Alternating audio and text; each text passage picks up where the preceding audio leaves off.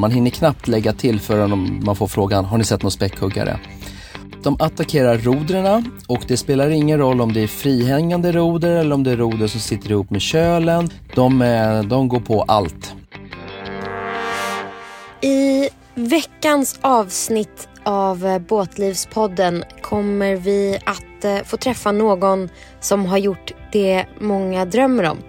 Nämligen att packa väskorna, hyra ut huset och eh, segla mot horisonten.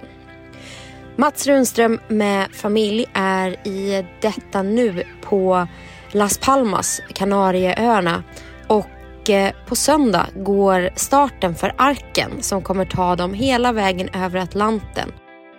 Lars-Åke och jag har ett ordentligt nyhetssvep. Vi kommer att prata om eh, marina naturreservat och något så spännande som marina kolonilotter. Sen så blir det såklart båtmässor. Det är ju högsäsong där nu. Och så tipsar Lars-Åke om något av det bästa han vet, nämligen fyrar. Jag heter Hanna Hellberg och detta är Båtlivspodden.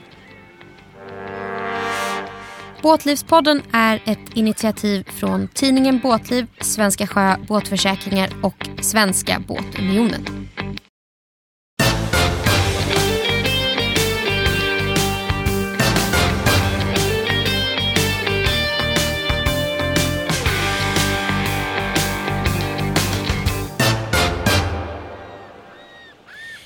God morgon Lars-Åke och eh, välkommen tillbaka till Svedala. God morgon, god morgon. Jag har sovit i kapp här nu så att huvudet är som det ska vara eh, om det gäller sömnstatistiken. Ja, men vad bra, för jag har hört att eh, vi har stora nyheter på gång och då är det bra att ha stor hjärnkapacitet.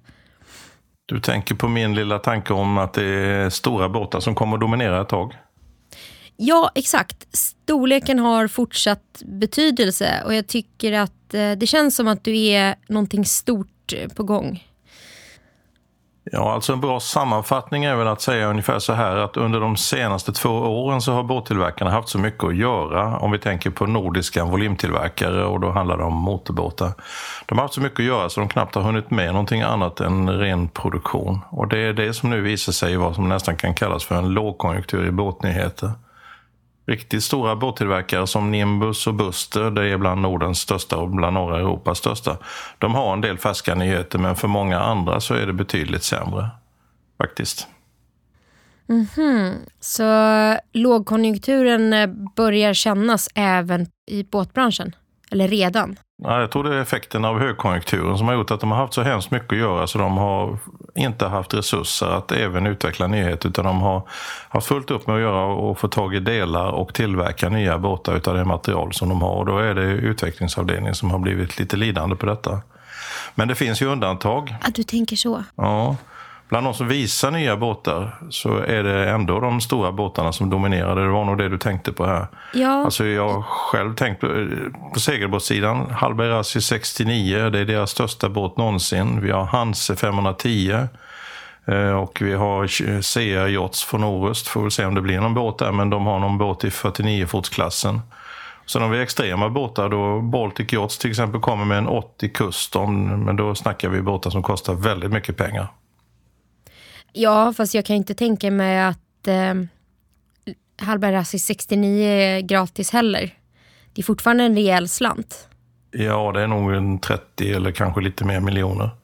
Och det är samma sak bland motorbåtarna, men där finns det i alla fall lite billiga saker. Nimbus till exempel har en eldriven version av sin, nya, av sin gamla, ska jag säga, 305 Drophead som nu finns med elmotor. Då kostar den 4-5 miljoner. Sen så kommer en ny Delta 48 Coupé och den får faktiskt premiärvisning på Allt för sjön, den stora båtmässan i Stockholm i mars nästa år. Så det ska bli kul att se. Delta byggs mm. ju på ett varv som ägs av en svensk person fast varvet ligger i, på ön Ösel i Estland. Det är ganska vanligt med eh, båtproduktion eh, just i Estland. De är duktiga och arbetskraften är väl betydligt billigare.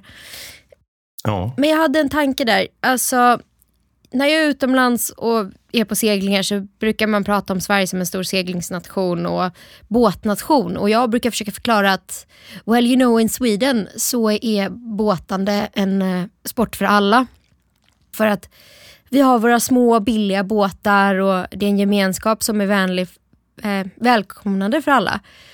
Men det känns som att vi är ganska långt ifrån eh, den här världen när man kunde köpa en båt för 25 000 och segla mot horisonten.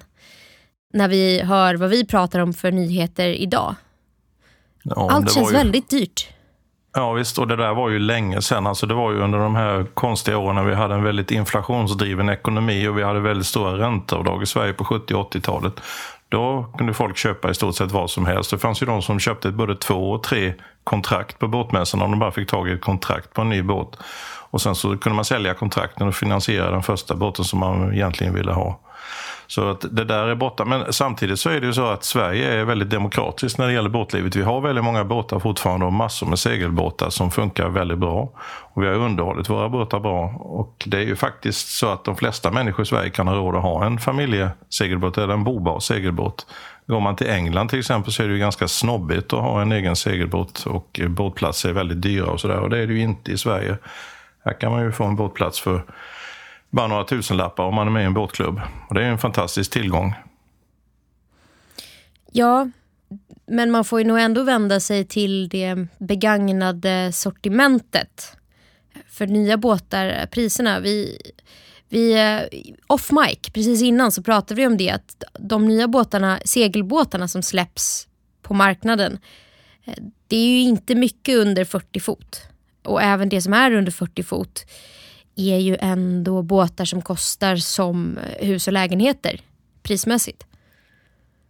Precis, så är det. Men samtidigt så de senaste tio åren, om man går tillbaka lite, så har det sålts eh, ett antal tusen båtar även i, på den nordiska marknaden. Och de finns ju kvar allihopa. De är ganska bra och många av dem omsätts och sådär. Så att det finns båtar för, för de flesta som, som vill ha. Om man vill ha lite siffror på detta så kan man ju tänka på att i hela världen varje år så säljs det över 400 000 båtar, fritidsbåtar. Utav dem så säljs kanske 75-80 procent i Nordamerika. Och utav de här drygt 400 000 så är kanske 3-4 000 bobara segelbåtar. Mm. Försvinnande liten del, alltså vi pratar eh, inte en procent. 400 000. Ja. 4 000 av 400 000, en procent. Ja, egentligen under 4 000. Oj. Ja. Jag som är väldigt seglingstillvänd i min världsbild eh, får bli lite mindblown när jag tänker på det här. Mm. Och så tänker man att seglingen borde få ett uppsving nu när eh, miljön är på tapeten och bränslepriserna har gått upp. Verkligen, det har ju varit miljövänligt hela tiden och dessutom väldigt trevligt att segla. Så att, eh, Idealet är väl att ha ett antal olika båtar som jag brukar säga. Man behöver nog en sju, åtta båtar egentligen. Man behöver en dagseglare och en långfältsseglare och en fiskebåt och en dagtursmotorbåt och lite sådär. En gummibåt? Men, ja, och en som sköter alla båtarna behöver man också ha då. Men, men det är det man har sin äkta hälft till. Det är det jag har min äkta hälft till. Ja, jag vågar nog inte ta upp den diskussionen. Nej, eh, vi, vi lämnar det därhän. Men på tal om miljön. Marina naturreservat. Bolsonaro röstades ju ut i Brasilien och eh, Silva röstades in och han gick ju till val på att man skulle sluta skövla Amazonas och det, det blir väl som ett stort naturreservat då. Inte riktigt lika stort som Amazonas men mer lokalt har vi ju nya marina naturreservat och de får väl också en påverkan på miljöarbetet, eller klimatet. Absolut. Jo, men det där tror jag man kommer att få se väldigt mycket mer. Det har redan pågått ett antal år. Till exempel i Italien och var tidigare med detta att ha områden där man inte får använda förbränningsmotorer överhuvudtaget. Och sånt kommer att driva utvecklingen till att man får ha hybrid och elmotorer i många båtar. Annars så kommer det helt enkelt inte in i de allra finaste ställena. Och vi har ju Kosterarkipelagen i, i Sverige till exempel som är en sån här ett marint naturreservat där man måste vara väldigt försiktig och det är väldigt begränsande regler som gäller. Så man försöker få FOMO att ändra folks beteende. så fear of missing out av de här vackra ställena kommer få folk att konvertera till mer miljövänliga transportsätt. Ja, samtidigt har det blivit en debatt som jag nästan tycker är lite eh, rasistisk på sjön om man får ta och säga något så grovt. Men eh, alltså en del människor tycker att förbjuda alla vattenskotrar i de här områdena och sådana här uttalanden. Det är just vattenskotrarna man är ute efter väldigt mycket. Jag ser det inte alls så för att vattenskoter är en båt precis som alla andra. Det är, det är liksom lagstadgat och det är EU har sagt att det är på det viset. Det handlar ju hela tiden om den som hanterar båten, hur den gör. Man kan busköra med en segelbåt också i marina naturreservat, även om eh, möjligheterna är mindre än med en vattenskoter. Men det gäller ändå alltid att den som är på sjön uppför sig ordentligt. Och det brukar ju fungera för det mesta. Ja, man kan ju som eh, miljökarl, som vi kallar honom för, Karl Rönnov berättade, vara klantig och oförsiktig med sitt ankrande och förstöra väldigt viktigt eh, växter och ålgräs och sånt på botten. Så Precis. det går att vara dum i alla sorters farkoster. Till och med den som lägger ut boja måste ju tänka på vad den gör så att man inte har en kätting som släpar omkring på flera diameter på botten och skrapar botten. Då, då blir det ju inte heller bra utan man får tänka sig för i alla lägen. Det är väl inte fel. Nej. Men det jag tänker att man skulle kunna eh, förbjuda är ju eh, fossilbränslen i de här. Då diskriminerar man ju kanske inte mot en viss typ av farkost utan mot ett visst typ av bränsle som vi ändå vill fasa ut på sikt. Och det vill ju båtägarna väldigt gärna. Det finns ju både alkylatbensin och det finns HVO100 för de som kör med dieselmotor i båten. Problemet har bara varit att i sommar så har ju dieseln kostat 30, kanske lite mer kronor per liter medan HVO100 kostat över, eller 40 spänn litern. Mm, jag tankar min motorcykel med alkylat. Det är inte ja. billigt. Nej, alkylaten är också stor skillnad, men, men just skillnaden mellan diesel och HVO100 den är grotesk nästan. Alltså, man kan inte ha det på det viset. Ska människor använda miljövänliga bränslen så måste man eh, premiera det på något sätt. Men jag tänker att man kan konvertera dem till att paddla kajak eller segla. Suppa. Ja, Kanske. Det kanske de gör när de kommer fram till eh, marina naturreservatet eller sin favorithamn någonstans. Men det måste ju fortfarande vara tillåtet att ta sig dit. Och det är alltid så att vad är alternativet? Om man kör upp x antal liter med diesel eller bensin med sin motorbåt eller segelbåt när man tar sig ut i skärgården. Om man inte fått göra det, vad hade man gjort istället? Hade man tagit ett flygplan runt halva jorden då så hade man smutsat ner mycket mer. Så att det är en större diskussion egentligen. Det är ju tillåtet att köra motorbåt och segla och köra motor i den också. Ja, det känns kanske som en lite för stor nöt att knäcka för oss här nu eh, fredag morgon. Eh, jag tänker att vi, vi lämnar det därhän och eh, fortsätter till ljusglimtarna i tillvaron. För det finns ju en passagerarfärja i New York som är en sån här zero emission-färja. Mm. Det ska komma här nästa år. Det finns ju ett svenskt bolag som heter Green City Ferries och de har ju tidigare sagt att de ska börja köra i Stockholms skärgård med den här eh, ett fartyg som heter Beluga 24. Man kan köra 147 passagerare och massa cyklar och sådär och köra nästan 30 knop med det där. Det är en kolfiberfärja som går på foils, alltså bärplan i vattnet. Och sen har den vattenjet och så vidare. Så det är väldigt moderna saker. Och sån ska man nu börja köra tillsammans med ett företag i New York som heter New York Cruise Lines. Och för alla som har varit i New York så vet man ju att det körs ju mängder med färjor hela tiden över olika floder och vattenvägar där. Så sånt här är ju jätteviktigt och vi har sett liknande utveckling även i till exempel Bangkok borta i Thailand, att man har övergått till, till eldrivna färjor. Men där är det utombordsmotorer framförallt som de har använt sig av. Men det spelar ingen roll, så länge det är eldrivet så får man ju ner utsläppen där motorerna används väldigt mycket. Ja, det är lite som att eh, America's Cup och eh, SL får eh, ett kärleksbarn det här, låter det som. Kolfiber och foils men ändå 147 passagerare. Mm, men jag precis. gillar det. Det, ja. det, är ju det är därifrån det måste komma. Och eh, Det är ju det de, de här tävlingarna, det är så de rättfärdigar sina enorma teknikbudgetar. Att det någon gång ska komma allmännyttan till gagn.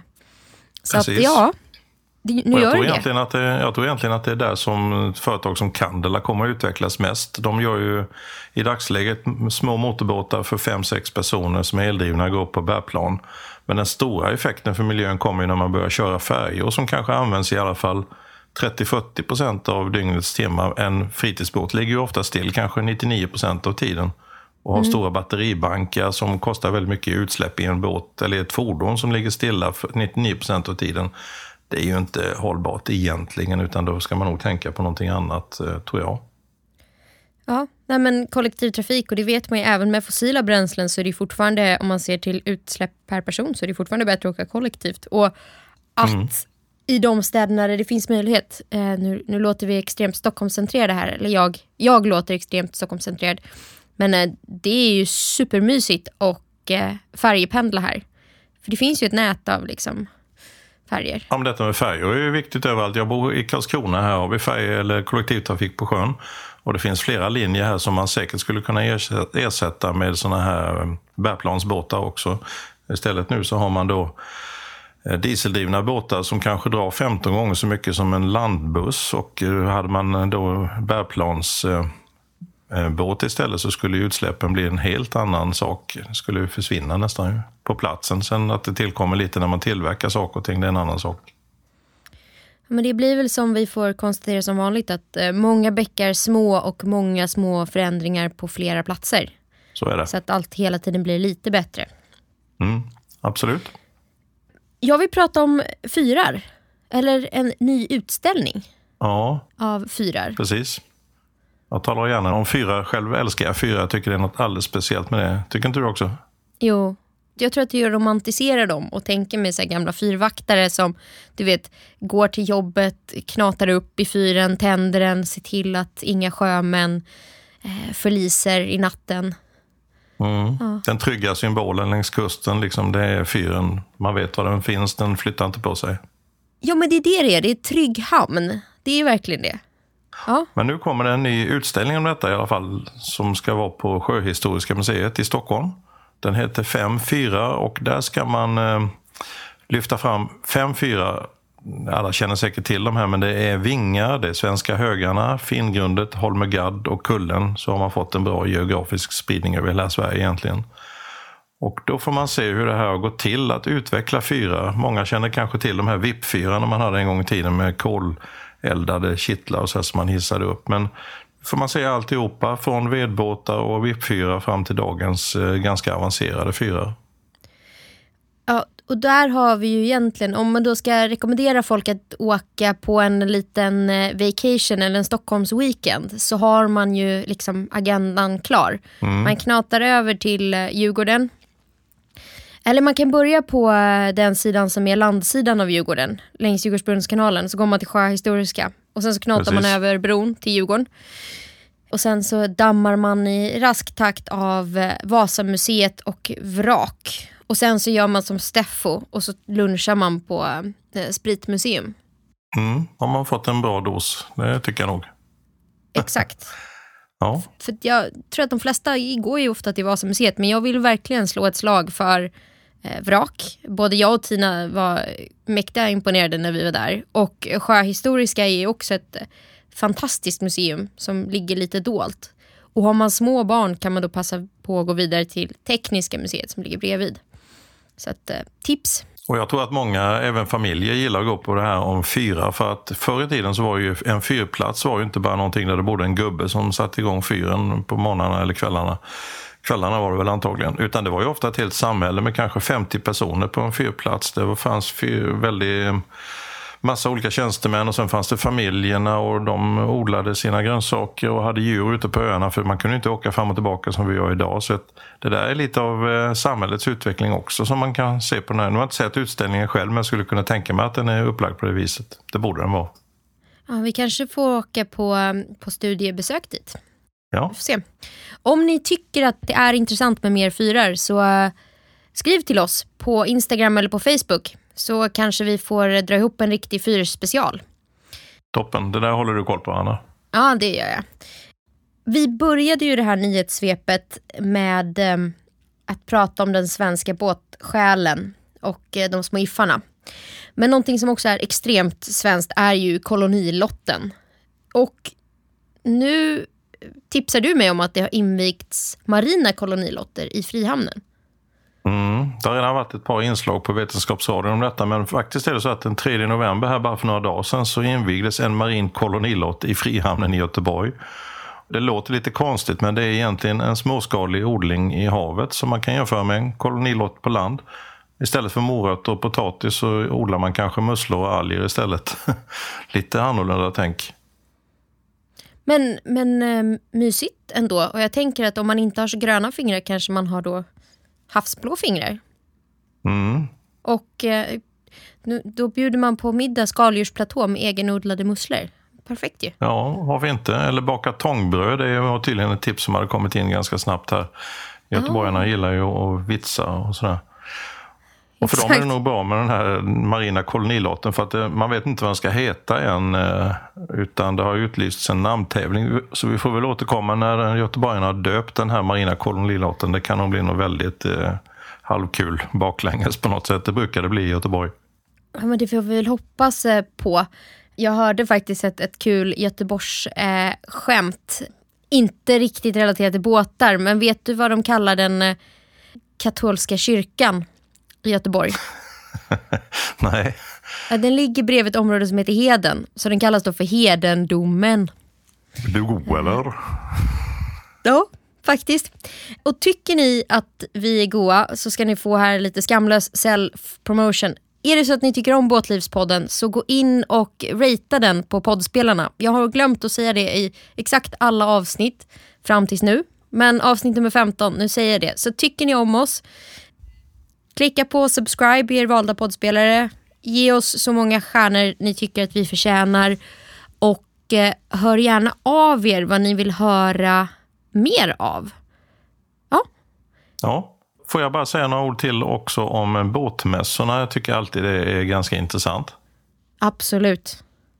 Ja, alltså alla som gillar båtar brukar tycka om att gå på båtmässor för det finns liksom hela utbudet. Där finns nya båtar, motor och segel och tillbehör det finns klassiker och alltihopa. Och det finns ganska kul människor. Till exempel så ska vår gamla favorit Sven Yrvin vara med på Göteborgsmässan andra helgen nästa år igen. Så att eh, han brukar locka stor publik, bara han. Men jag tänkte bara slå ett slag för de här mässorna. Den 4-12 februari så är det båtmässa i Göteborg.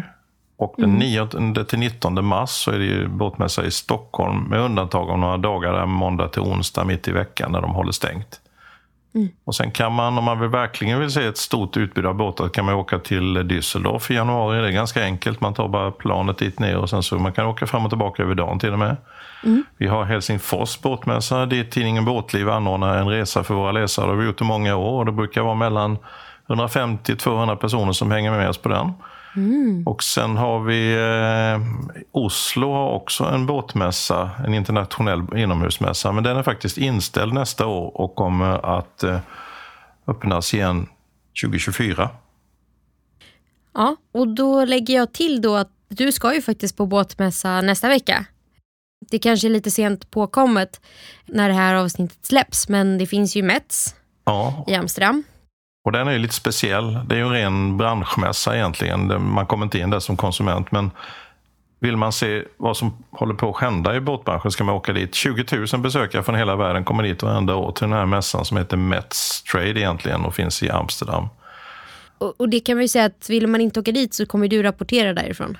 kommer rapportera därifrån och då blir det igen mycket om, inte så mycket om eldrivna båtar för det där tror jag att man har hållit på med ett tag nu utan den starkaste trenden där verkar vara en, en satsning på miljö och hållbarhet. Man talar om livscykelanalyser och sådana här saker av båtar och båtlivet och det tycker jag är jätteintressant.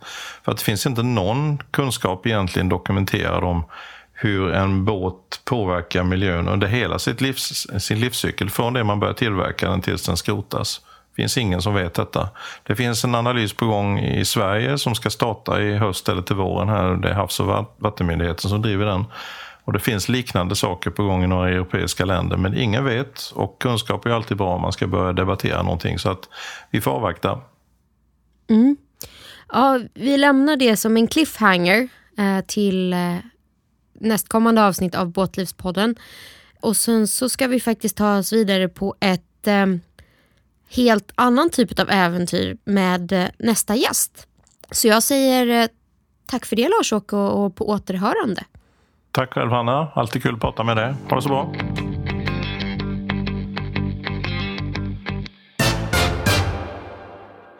Hej Mats! Vem är du och hur kommer det sig att du eh, sitter i förpiken eh, på en båt långt ifrån eh, Sverige nu mitt i november? Ja, det kan man egentligen fråga sig vad tokiga idéer man kan få med, med familjen ibland. Ja, men jag heter Mats Runström. Jag eh, fyllde 50 år här för eh, några veckor sedan och eh, har tagit med mig själv och min sambo Sofia och min dotter Elinor för att eh, ta ett sabbatsår och segla över Atlanten till Karibien. Spännande.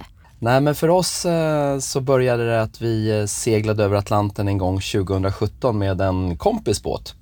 Och då när vi kom över på andra sidan så kände vi att då var det dags för oss att resa hem. Men då kände vi att, nej men vänta, det är ju nu äventyret börjar för alla de som har seglat över. Och eh, sen började vi fundera lite på det där på eget håll och ja, här i somras så lämnade vi Stockholm och eh, seglade själv på egen köl söderöver. Då. Så nu är vi här. Nu är ni här och var, var är här? Var är här? Vi är på Las Palmas och mm. vi har valt då kan man säga att segla med då det som heter Arken då, Atlantic Rally for Cruises. Som är väl kanske den mest kända sättet att det skadesegla över Atlanten. Så vi är 165 båtar tror jag som ska starta här på söndag och segla över. På söndag? Det är ju, det är ju snart. Det är jättesnart. Det är inte många dagar kvar nu, så att nu börjar det dra ihop sig. Nu är det febril aktivitet här på bryggorna och eh, alla som inte har gjort det förut är lite extra pirriga förstås då och eh, mycket förberedelser och mycket, mycket meck ska jag säga för de som inte, eh, som inte har förberett sig i vinter då kan man säga. Då är jag ju nyfiken, hur bra har era förberedelser varit för denna strapats? Ja, men vi, eh, vi ligger väldigt, väldigt bra till. Vi spenderade, vi hade våran båt stående inomhus i vintras uppe i Stockholm och vi spenderade väl eh, nästan varje helg eh, i det här inomhustältet där vi stod och eh, bytte toalettslangar, drog nya elledningar, installerade nya instrument och eh, när alla kompisar var och åkte skidor och eh, långfärdsskridskor så, så låg vi med huvudet nere i en durk eh, och sa vi att det här måste vi få payback för och eh, det är väl det vi får nu tror jag. Jag tänkte precis säga, er payback kommer väl när ni sitter på någon strand med en kokosnöt när alla andra sitter hemma i februarislasket? det är väl det vi får hoppas lite grann på och eh, när vi seglade över senast då, då var våran dotter sex år och då var liksom målet att vi skulle segla mot kokosnötternas land så att det är väl eh, precis som du säger, det är väl det som är vårt mål även nu då.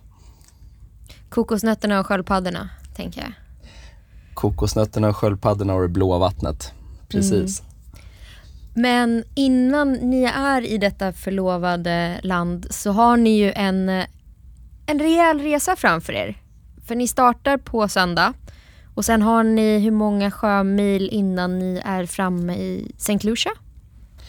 Nej men det är ju eh, lite grann fågelvägen så är det väl strax under 3000 sjömil, jag tror det är 2700 eller 2800 över. Men eh, det är ju så att man seglar ju inte rakaste vägen utan eh, man ska ju antingen lite grann söderut ner mot Kap Verde och fånga upp eh, passadvindarna eller så går man lite grann norrut då. Så att det blir väl ett par 200-300 sjömil till eh, räknar vi med i alla fall. Så att um, det ska bli eh, väldigt spännande och för uh, våra besättning och kompisar som ska med också tycker att det här ska bli kanonroligt faktiskt. Jag känner att jag har väldigt många frågor nu men då börjar jag i ändan och fångar upp det här med passadvinden och vägen över. Har ni tittat på någon möjlig väg över och hur gör man för att bestämma liksom vilken väg man ska välja? Ja, när vi seglade över eh, sist då, 2017, så valde vi en lite nordligare väg med lite tuffare vind. Och eh, på familjens önskemål så ska vi inte välja den vägen nu utan nu har eh, skepparen lovat att nu ska vi segla eh, betydligt bekvämare. Och eh, som det ser ut nu, eh, prognosen den kommande veckan, så får vi bra vind och kommer komma ner till eh, ja, mellan tionde och tjugonde breddgraden någonstans och där har vi ju då de här klassiska passadvindarna som kommer från Afrika och blåser båtarna över till, till Västindien.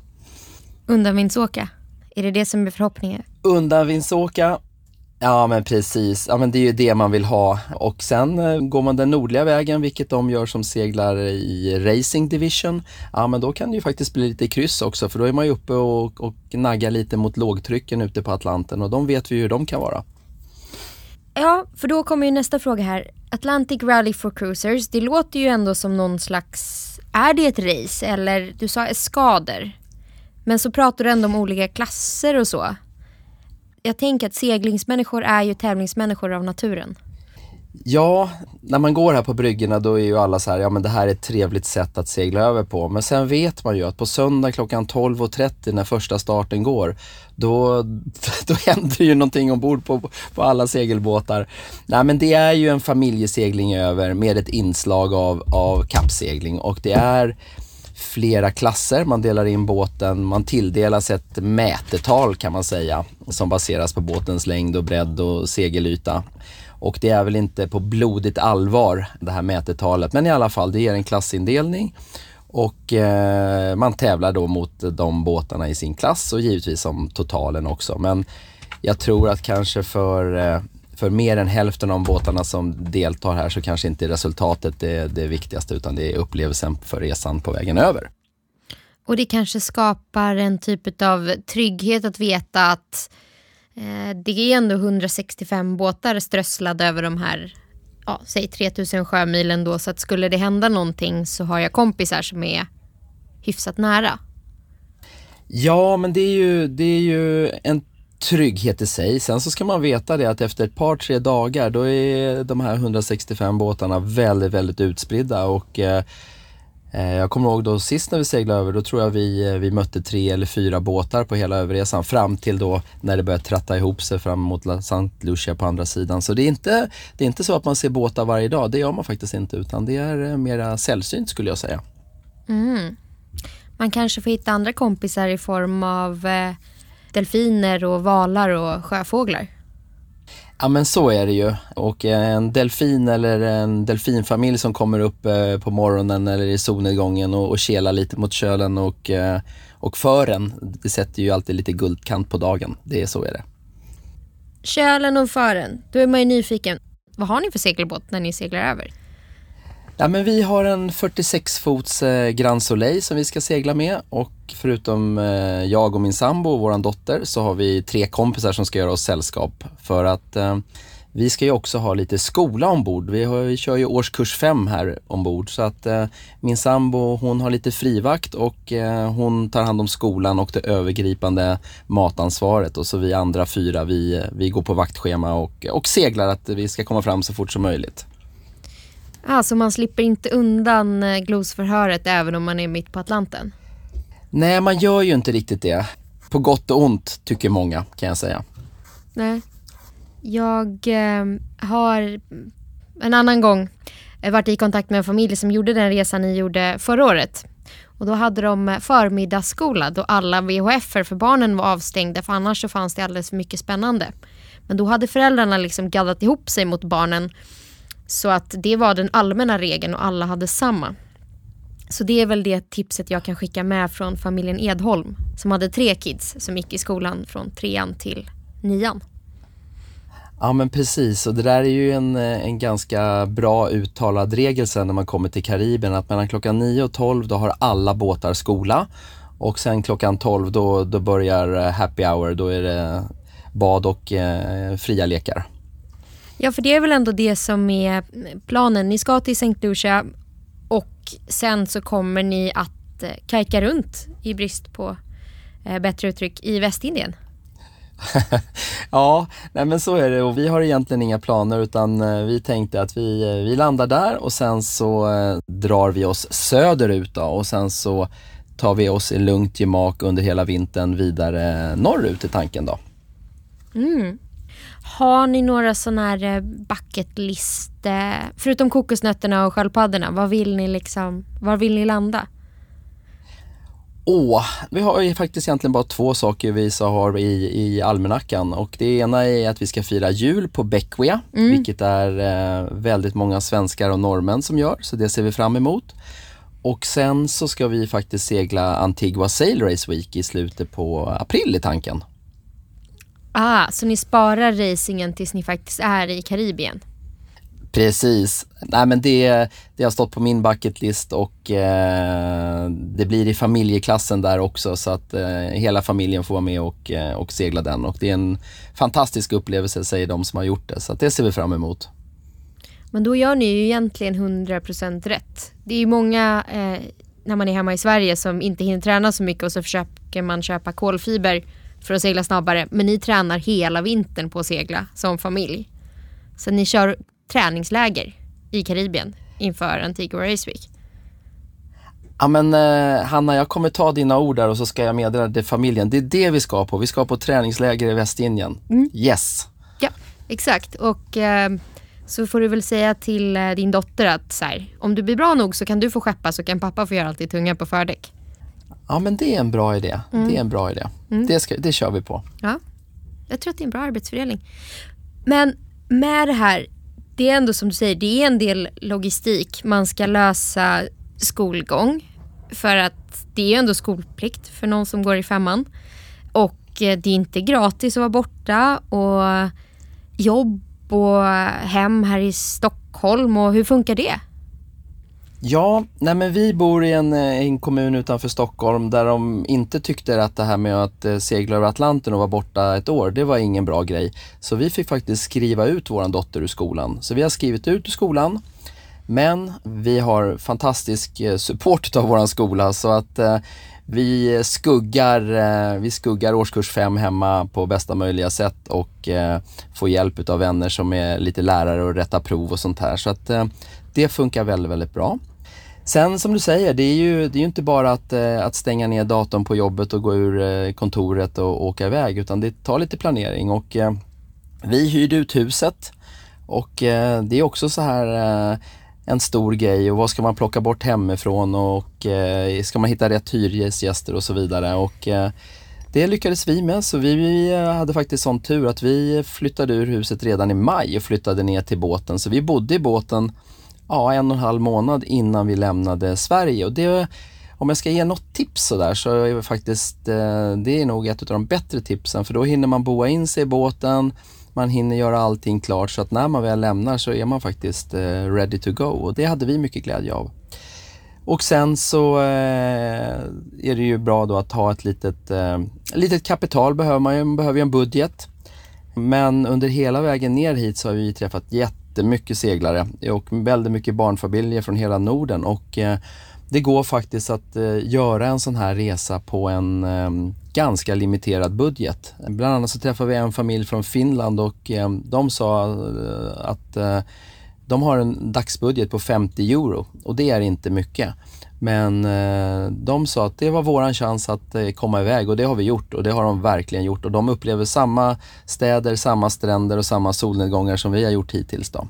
Så att ehm, ja, allting går. Det är bara att man måste få lite sparken i rumpan och komma iväg tror jag. Det här är ju otroligt inspirerande för jag tror att det är många som sitter där på sina, nu tillskriver jag våra läsare otroligt tråkiga jobb, så är säkert inte fallet. Men alla har väl haft den här dagen när man sitter framför datorn på Excel-arket, tittar ut genom fönstret och så är det grått och dassigt och sen kommer det liksom, jag har bokat in ett möte kvart i fem på fredag där vi ska gå igenom budgeten. Och man bara, nu skiter jag i det här och vill dra ja, dra till Karibien. Och ni har ju gjort det. Så att jag, jag hoppas att det här kan inspirera någon att våga göra samma. För det går. Det är det du säger, det går. Absolut och det är så här att um, många säger så här, vilken är den bästa båten att segla över Atlanten med? Och det är så här, det är den båten du har och den båten du känner. För den kommer ge dig en fantastisk resa över. Det är också så här då att man behöver ju inte segla med eh, arken som många gör, där det är en allmänningsavgift och där de ställer krav på båten att den ska ha en viss nivå på säkerhetsutrustning, kategori 1 och World Sailing, vilket är väldigt, väldigt dyrt för många om man inte har den utrustningen från början. Men väljer man att segla själv, ja då kanske man inte behöver gå fullt ut på hela säkerhetsutrustningen utan man kanske kan ta bort några delar som kanske inte passar sin båt och därmed få ner kostnaden lite. Så att jag tycker att eh, den båten man har, det är den bästa att segla över med. Okej, men nu vill jag ändå vara vän av ordning och förespråka säkerhet och så här. Hur... Okej, man, jag kan förstå att eh, World Sailings regelverk är säkert lite fyrkantigt och så, men eh, man vill ju ändå göra en säker översegling. Har du något tips hur man kan säkerställa det på annat sätt då? Om man inte riktigt följer den skrivna regelboken. Nej men jag tycker nog att man ska vara lite påläst om väder. Det är bra. För väder blir det och eh, vågorna är höga. Har man inte seglat på havet innan så är det ju så att man får några möjligheter att göra det på vägen ner. Dels över Biscaya och dels när man lämnar eh, mainland Europe, då, Portugal till exempel, och seglar mot Madeira eller direkt till Kanarieöarna, så får man ju två bra prov på om det här med eh, havssegling funkar för eh, dig och din familj. Och det är ju faktiskt så, man ska inte bli ledsen om man känner att man kommer hit till Kanarieöarna och så säger man, nej men det här var inte våran grej. För det ligger väldigt mycket seglare här som har kommit fram till just den slutsatsen att nej, det här var inte våran grej. Men som då år efter år seglar runt här i den Kanarieöiska arkipelagen får man väl säga och eh, att man blir kvar här istället då. Och eh, eh, man har insett att det, det, var inte riktigt vår grej att segla på havet men eh, vi är på Kanarieöarna och vi trivs bra att segla här. Ja, jag insåg att vi måste backtracka lite där. För vi, eh, vi landade i att ni hade flyttat till båten i maj. Och vi började med att du är på Kanarieöarna. Men däremellan, hur såg vägen från hamnen i Östersjön ut ner till eh, Las Palmas? Vilken väg tog ni? Det är jättekul att du frågar för att eh, för många så är det så här, åh vi ska segla över Atlanten från Las Palmas. Men för oss som familj så har hela den här Europadelen varit eh, ja, fyra månader och en stor del av resan. Och eh, att få uppleva Europas kuster efter, eh, på vägen ner, det har varit fantastiskt. Vi lämnade Stockholm och eh, seglade direkt till Visby mm. första natten. Och från Visby sen så seglade vi faktiskt nonstop direkt till Kiel. För vi kände så här att eh, Östersjön finns kvar och här har vi varit tidigare så att eh, det passerade lite snabbt. Så vi gick eh, direkt till Kiel och så gick vi genom Kielkanalen, vilket man gör på en dag. Och eh, direkt när vi kom ut på andra sidan så hade vi ett bra väderfönster i Nordsjön så att vi seglade faktiskt direkt till Holland. Det här låter som en riktig raketresa men vi satte faktiskt full fart till Holland och där började egentligen eh, vårt äventyr ska jag säga. För att i Holland var vi kvar i ja, nästan tio dagar, två veckor eh, och hälsade på kompisar och eh, seglade in i innanhavet där och eh, i centrala Amsterdam och sånt här. Och det var väldigt, väldigt kul för familjen. I Holland började livsnjuteriet. Ja, precis. Ah. Och eh, vi, har en, vi har en dotter som är väldigt ridintresserad och på de här ah. friländska öarna, eller flisländska öarna som ligger efter, efter Nordsjön där finns det ju väldigt mycket ridmöjligheter. Du förstår. Mm. Mm. Och då kan man ändå passa på lite när man inte kanske får möjlighet att göra det på ett tag. Precis. Ta chansen. Precis. Sen lämnade vi eh, Holland, gick eh, North Sea kanal som den heter. Då kommer man ut i Ajmuiden och då är man ju ute i, i Engelska kanalen nästan. Och då seglade vi ner till, eh, till slutet på Holland, till Breskens och sen så seglade vi så att vi passerade Belgien och kom direkt in i Frankrike då till Dieppe och Boulogne-sur-Mer som är två orter som ligger efter, efter entrén in i Engelska kanalen där. Och nu börjar det goda livet för nu blev det ju god mat också helt plötsligt. Och det är ju viktigt. Ja, bra ostar. Mm. Mm. Men vi är väl någonstans i typ Normandie, eller har jag fel? Ja, det är lite grann början på Normandie och ja. eh, här känner vi att eh, vi har någonting att göra på hemvägen. För vi eh, hade bestämt oss nämligen att vi skulle över till England. Mm. Så att vi kom aldrig riktigt ner eh, i Normandie utan vi gick över till Cherbourg mm. som är liksom som en liten tand som sticker upp i Engelska kanalen då. Och ifrån Cherbourg gick vi över till eh, Isle of Wight, till Cowes. Ja, detta seglingsmecka. Detta seglingsmecka och vi kom precis dit eh, sista dagen på Cowes Week så att det var ju superkul att få uppleva det. Och sen så på söndagen där så startade Round Britain Race också, så det var kul att få, att få hänga där lite grann. Och sen hade vi faktiskt lovat vår dotter att vi skulle åka till London, så vi tog och la båten där och sen åkte vi upp till London ett par, tre dagar och fick några hotellnätter. Och det var, det var mysigt. Ja, ja men det, jag tror att det är en bra uppladdning också. Ni hade ju rätt många nätter på båt, så man kan varva kanske med någon hotellnatt. Ja, och sen tillbaka till båten igen och eh, då seglade vi tillbaka över Engelska kanalen faktiskt ner till Guernsey, en av kanalöarna. Mm. Och eh, då lyckades vi pricka det precis när det var eh, spring då, så att det var väldigt mycket tidvatten. Det var 9,8 meter tidvatten och det är ju lite häftigt om man inte är van och har upplevt det tidigare. Och inne i Guernsey hamn där man ligger på pontonerna, flytbryggorna, så märks det ju väldigt påtagligt 10 meter. Det är väldigt mycket faktiskt. Ja, jag tror inte att man förstår hur mycket 10 meter tidvatten är om man inte upplevt det. Nej. Så att, eh, kanalöarna, tips om man vill se på häftiga naturfenomen. Verkligen, verkligen.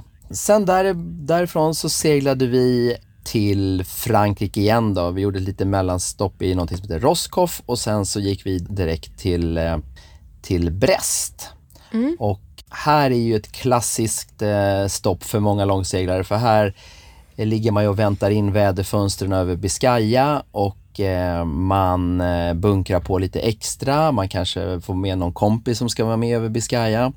Och så är det också ett fantastiskt eh, landskap att göra utflykter och titta på. Och här var vi i nästan, ja, nästan en vecka var vi här och det var fantastiskt vackert och dit kan vi verkligen komma tillbaka. Man ska inte, man ska inte stressa förbi det här området. Det är väldigt vackert. Mm. Okej, okay. inte stressa förbi Roscoff. Men sen, Biscayabukten. Hade ni besök av några späckhuggare? Vet du vad, vi hade, när vi kom ut 50 sjömil eh, in i Biscaya, då såg vi en familj. Eh, den enda familjen vi har sett på den här uh, resan.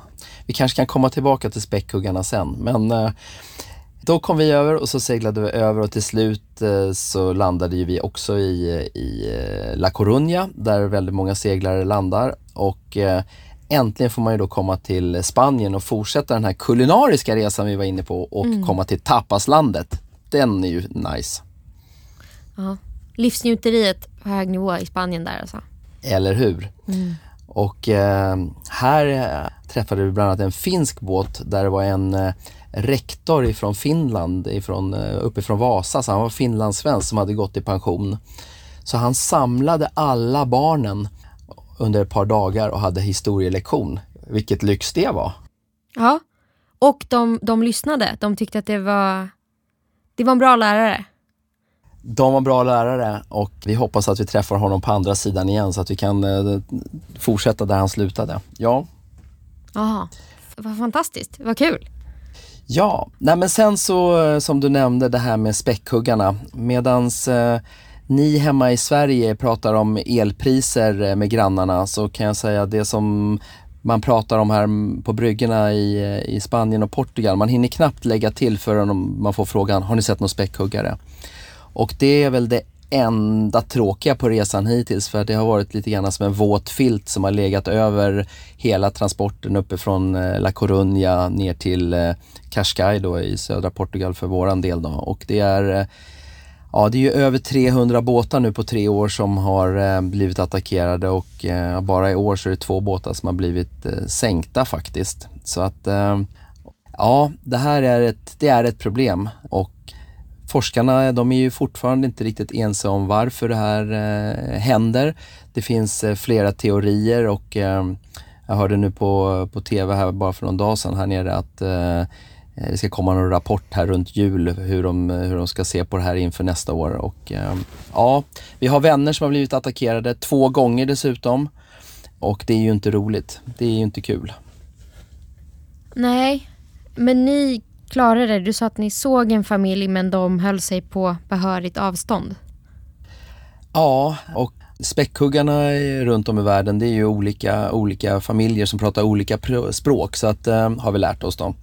Och eh, den här eh, flocken som finns här, det är två eller tre familjer som då rör sig ner från Gibraltar Strait upp förbi Portugal, Spanien, in i Biscayabukten, vänder ut över Azorerna och ner igen. Normalt sett så följer de ju tonfisken. Men eh, många relaterar ju det här och tror ju att det här beror på att tonfisken börjar bli så utfiskad och att det då är deras hämnd mot fiskarna, att de, eller eh, ja, hämnd helt enkelt att eh, det här blivit så här de förstörde deras livsnjuteri och gourmetmiddag. Så då blev de arga och hämnades. Ja, det finns också en teori om att det är en eh Eh, de här eh, safarierna nere i, i um, Gibraltar och i områdena där i Spanien, att de här eh, safarisarna som åker ut och jagar orkerna för att man ska se dem.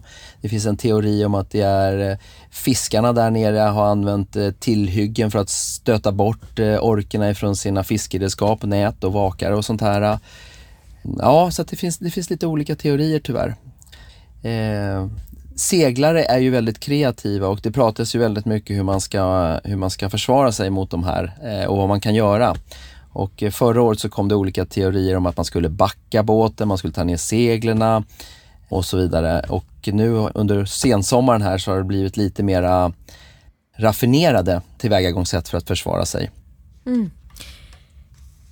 Ja, Och det kanske finns folk som har missat det här, som inte är seglare som har missat det här. Men det de gör när de attackerar späckhuggarna det är väl att de går på undervattenskroppen på båten, eller? Precis, de attackerar rodren och det spelar ingen roll om det är frihängande roder eller om det är roder som sitter ihop med kölen. Det spelar ingen roll om rodret sitter bakom motorerna eller framför propellen. Eh, det spelar ingen roll om det är monohull eller multihall. Det spelar ingen roll om det är vit bottenfärg eller svart bottenfärg. Det spelar ingen roll om det är dag eller natt. Det spelar ingen roll om det är stiltje eller vind. Så det finns liksom ingenting som säger att ah, nu den här båten, den här färgen och det här vädret är säkert. Utan de, eh, de går på allt. Vilket är eh, lite läskigt i sig själv och eh, man är ju på, man är, vi har varit på helspänn precis som våra seglarvänner som har seglat de här sträckorna och eh, det har ju blivit så att man har ju gått lite grann i kolonner eh, när man rört sig mellan de olika ställena längs Portugals kurs. Att vilken tid går ni imorgon bitti? Ja, vi går nio. Ja, men då går vi också nio. Så att man liksom har haft någon nära sig om det, om det skulle hända något då. Ja, för späckhuggare är ju, de är ju stora och som du sa, de orsakar ju rejäla skador på båtarna och till och med sänkt båtar. Så det är ju ett riktigt problem. Men jag tänker att vi håller tummarna för att de håller sig på avstånd och visar upp sig på håll. För det är ändå trevligt. Och så återgår vi till historien för nu är vi i Cascais va? Nu är vi i Cascais och här är det ju fantastiskt eh, att ha några dagar här. Det är nära in till Lissabon. Ja, mina föräldrar bor i Cascais. Ah, du ser där. Och eh, mm. vi hade äran också att få gå på en 70-årsfest i Cascais, så det var väldigt trevligt. Ja, det är mycket svenskar där. Det är väldigt mycket svenskar där. Och sen eh, under tiden när vi var där så var det också M32 World, så ja. det var också några svenska besättningar där och seglade. Ni har tajmat mycket bra event på vägen, måste jag säga. Ja, men det blir så. Det blir så efterhand. Mm. Och Härifrån då så eh, är många som seglar ner mot Lagos kanske, mot mm. Eh, södra Portugal och eh, sen en del går ner kanske till och med till Marocko då innan man går över till Gran Canaria. Vi valde att gå ifrån Cascais över till Madeira. Ja. Och det var en jättefin resa. Det tar, vad tog det för oss, tre, tre dagar tror jag det tog eller någonting. Mm. Och då kommer man ju till en fantastisk ö som vi inte hade varit på tidigare. Som bjuder på ett fantastiskt landskap och eh, mycket tracking och trails och eh, ja, återigen, god mat och god dryck. Det låter ju som en rakt igenom underbar resa och det här att man kan anpassa rutten efter eh, sina intressen. För ja, men det finns ju så mycket olika saker på vägen. Gillar man hästar, ja, men då stannar man längre på Frisiska öarna.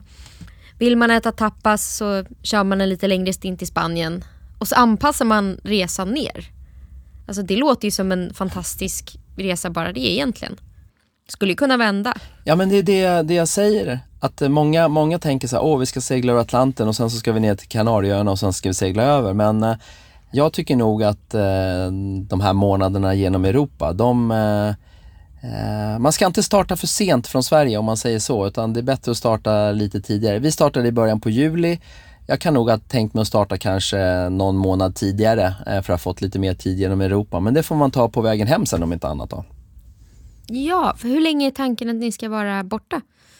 Nej, men vi har tagit ett års sabbatsår mm. så att vi ska tillbaka till årskurs 6 i alla fall i augusti nästa år. Men eh, någonstans så är det ju så här att ska man segla hem så har man ju lite väder, väder där också att tänka på. Man har en orkansäsong som börjar borta i Karibien så att någonstans efter eh, Antigua Sail Race Week där i början på maj, mitten på maj så är väl planen att segla hem i sådana fall då. Mm. Okej, okay. så maj nästa år och då har ni varit eh, på rull typ 10 månader skulle jag säga, eller? Ja, det skulle man kunna säga. Och sen så ett par månader hem genom Europa är tanken då. Så att eh, kanske vara hemma till eh, mitten på juli kanske, någonting sånt där. Mm, spännande. Men jag tänker, vi har ju avhandlat så här, hur man löser skolan, hur man löser det praktiska, att det är viktigt att gå igenom båten, resan dit. Men är ni vuxna då? Har inte ni vardagsjobb? Hur löste du det med ditt dayjob? Ja, men jag eh, har ju sån tur att jag har en partner i mitt företag som, eh, som drar lasset när jag är borta och det har funkat jättebra och som sagt, jag tror att många tänker nog så här att, eh, och det märker vi också med de båtarna vi seglar med, att ja, men vi, eh, jag jobbar lite och jag är med på lite möten och så vidare. Och har man ett sånt jobb som man måste göra det, ja men det förstår jag också. Men jag tror att kan man skjuta ut sig så mycket som möjligt så blir det en bättre helhetsupplevelse. För det är inte så kul som du sa Hanna, har man ett möte på fredag klockan kvart över fem, ja men eh, då är vi på vattnet här ute och det funkar inte med uppkoppling och sånt här. Då blir det en negativ stress. Så att eh, ska man få den bästa upplevelsen så ska man nog försöka stänga av jobbet så mycket som möjligt. Och det har väl både jag och min sambo, eh, som också är egenföretagare, lyckats med ganska bra. Även fast man då kanske någon gång ibland har några veckomöten och sånt här. Men då kan man ju sätta de mötena när man själv ligger i hamn och när det passar och, och så vidare. Så det korta svaret är tjänstledigt? Att man ska bara pausa på riktigt? Ja, men jag tror så här, tar man sig tid och råd att, eh, att göra ett sånt här år, för de flesta gör ett år, så blir upplevelsen mycket bättre om man kan stänga av jobbet så mycket som möjligt. Ja, jag tror faktiskt Och dessutom om man ska göra det med en familj då, så för familjens skull så tror jag att det blir det bästa. Mm.